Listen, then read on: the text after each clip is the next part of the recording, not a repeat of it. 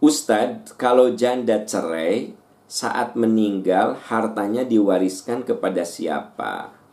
Ibu itu punya anak kandung. Ya tentu saja pertama di sini tidak dijelaskan anak kandungnya itu laki atau perempuan.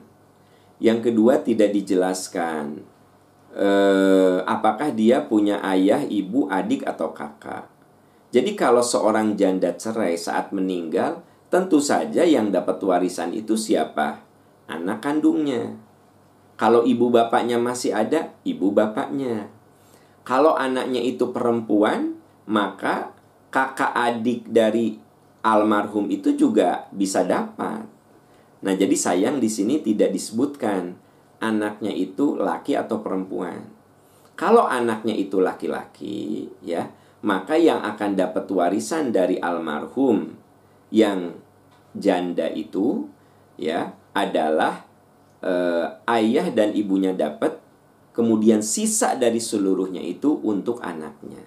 Jadi anak laki-laki itu bisa menghalangi warisan paman dan uaknya. Paman, bibi, dan uaknya. Itu anak laki. Jadi kalau saya tidak punya anak laki-laki, saya tidak punya anak laki-laki misalnya. Anak saya perempuan semuanya. Kalau saya meninggal, kalau saya meninggal, ya ibu bapak saya dapat. Anak perempuan saya dapat. Terus adik adik saya, saya kan punya adik. Nah, adik-adik saya juga bisa dapat karena saya tidak punya anak laki. Nah, tapi kalau saya punya anak laki-laki, saya meninggal. Saya punya anak laki, satu laki, dua perempuan.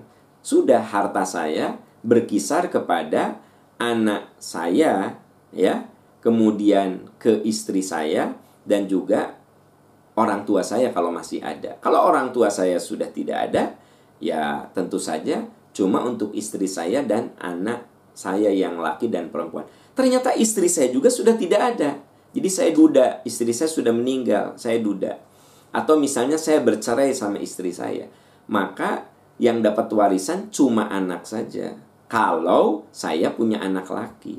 Tapi kalau saya tidak punya anak laki, maka anak perempuan dan adik atau kakak saya juga dapat. Nah, di sini tidak disebutkan apakah anak kandungnya itu laki atau perempuan, ya.